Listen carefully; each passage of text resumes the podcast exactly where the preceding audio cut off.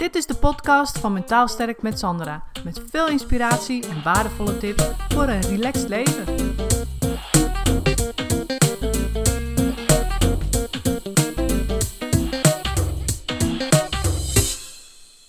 Hey, Sandra hier weer. Leuk dat je luistert.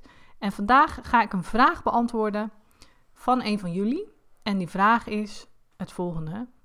Ik loop er steeds tegenaan, schrijft ze, dat ik dingen gezegd of verteld heb waarvan achteraf blijkt dat ze me niet gehoord hebben of niet geluisterd hebben.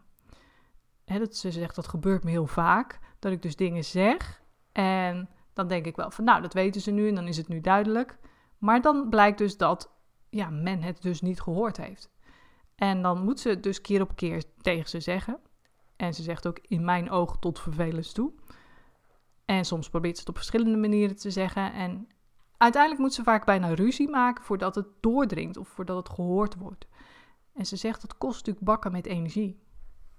Dus wat kun je in zulke gevallen het beste doen? Oftewel, wat moet je doen om gehoord te worden? Nou, dat is een hele interessante vraag. Want um, ja, dat kan inderdaad best een probleem zijn. En het gaat erom dat op het moment dat je duidelijk bent tegen iemand. Ze geeft ook een voorbeeld.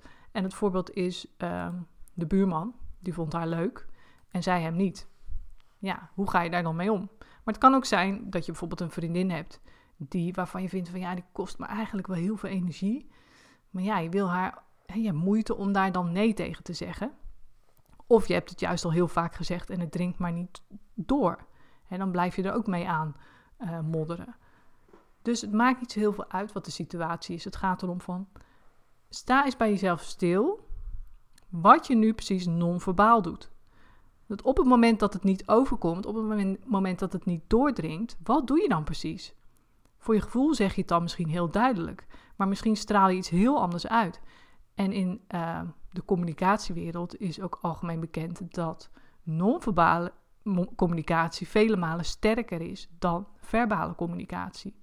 Dus als jij heel duidelijk zegt van nee, ik wil geen relatie met je of nee, ik wil niet afspreken, dan en je doet dat op een hele lieve toon en je glimlacht er nog eens bij, hè, je toon is heel aardig en je geeft nog eens uitgebreid antwoord erna over waarom niet, of je gaat uh, na dat contact ga je toch nog weer keer op keer dat contact aan, op wat voor manier dan ook, door alleen al hallo te zeggen of even praatje te maken. Weet je, want je wilt natuurlijk wel vriendelijk blijven. Ja, dan straal je natuurlijk iets compleet anders uit, uit dan wat de feitelijke boodschap is. En dan zal niemand je echt heel erg serieus gaan nemen. En uh, in het voorbeeld van degene die mij gemaild heeft, zegt ze ook van ja, op een gegeven moment dringt het pas door als ik soms heel erg boos ben geworden en als ik uiteindelijk bijna ruzie heb gemaakt. Dus is het ook belangrijk om te kijken van wat doe je op zo'n moment als je boos bent en het je dan eindelijk lukt om het heel erg duidelijk te maken. Wat doe je dan op zo'n moment? Waarschijnlijk praat je dan met een wat duidelijker stem. Misschien hef je je stem wel, maar het is in ieder geval duidelijker. Je praat dus duidelijker. Misschien geef je wel veel korter af antwoord, want je hebt het al honderd keer gezegd. Dus dat antwoord is ineens een heel stuk korter geworden. En je zegt het misschien op een toon die weinig tegenspraak duldt, omdat je het al zat bent.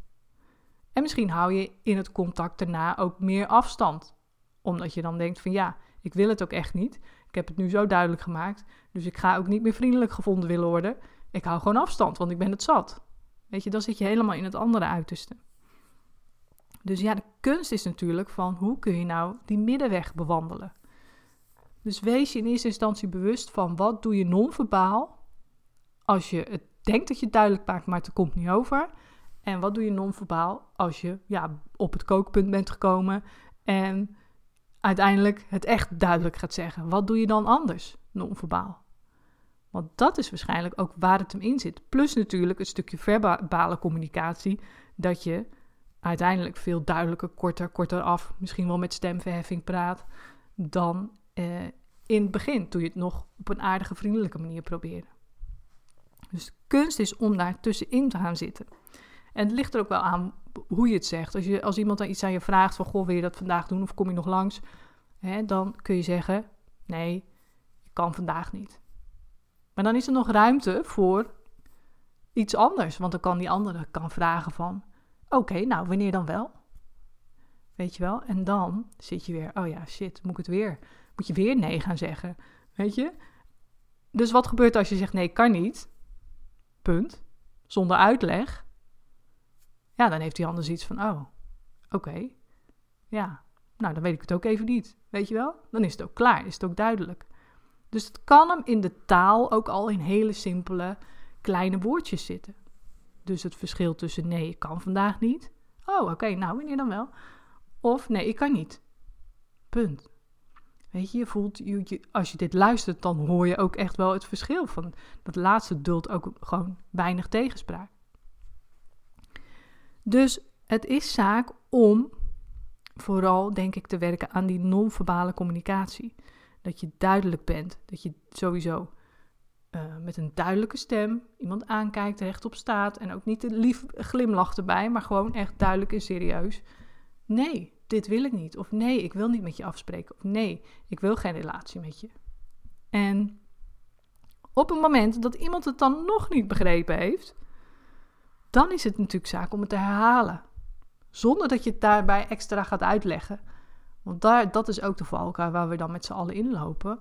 Dan denken we van, oh ja, het is niet duidelijk, dus ik ga het herhalen en ik ga het nog eens even een beetje extra uitleg aangeven.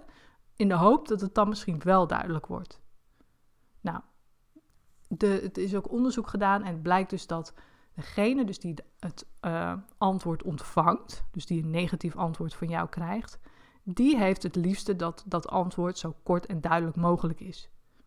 Dus je letterlijk aan mensen vraagt van, um, nee, kan niet, maar wil je de lange of de korte uitleg? Als je dat al zou willen, willen doen of willen uitleggen, dan uh, eh, 9 van 10 keer zullen die mensen vragen, nou geef me maar even de korte uitleg dan.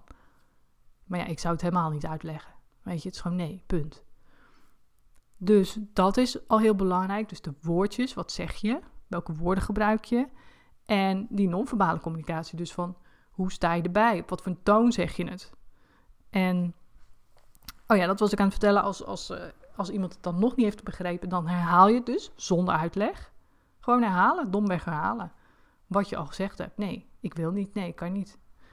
En als je dan hele aanhoudende mensen hebt die het dan nog niet willen begrijpen, dan kun je als laatste zeggen wat je van dat gedrag vindt en het gesprek beëindigen.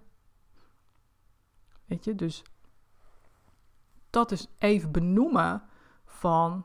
Dus dan ga je eigenlijk een beetje als een helikopter boven het gesprek hangen en dan ga je het gesprek benoemen. Zo van nou, hè?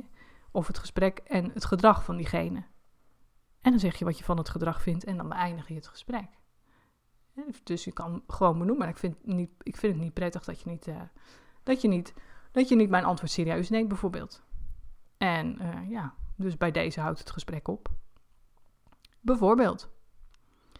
Maar ja, zover wil je het natuurlijk niet laten komen. Je wil al in een veel eerder stadium, wil je gewoon dat het duidelijk is wat jij uh, ja, te zeggen hebt tegen diegene. En het blijft natuurlijk moeilijk. En waarom blijft het moeilijk? Omdat we ons niet schuldig willen voelen.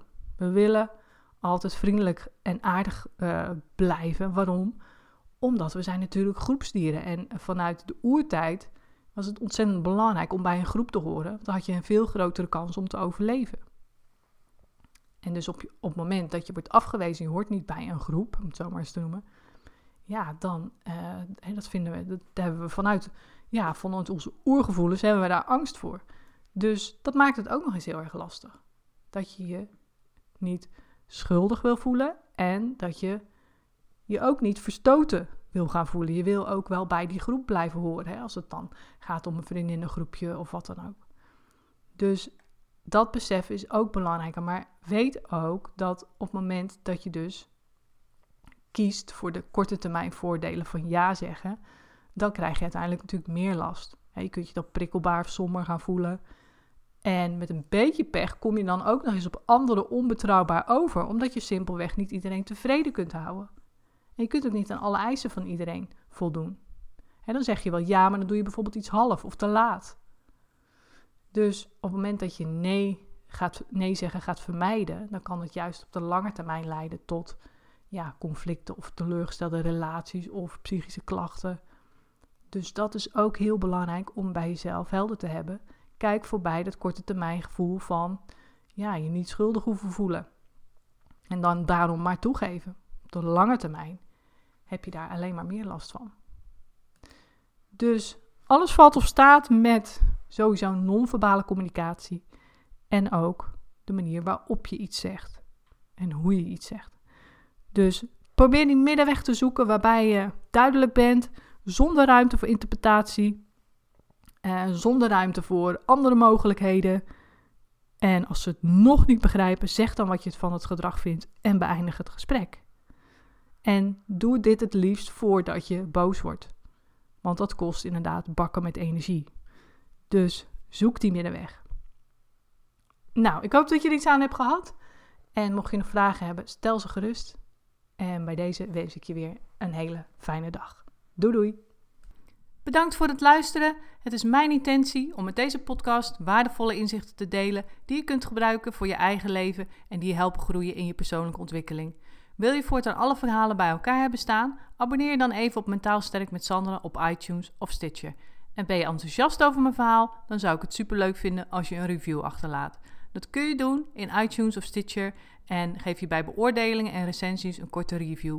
En ben je echt enthousiast? Geef dan 5 sterren. Dat zorgt ervoor dat ik hoger in de ranking kom te staan en nog meer vrouwen kan inspireren tot een relaxter leven. Mijn dank is groot als je dat even voor me wilt doen. Tot de volgende keer bij een nieuwe uitzending.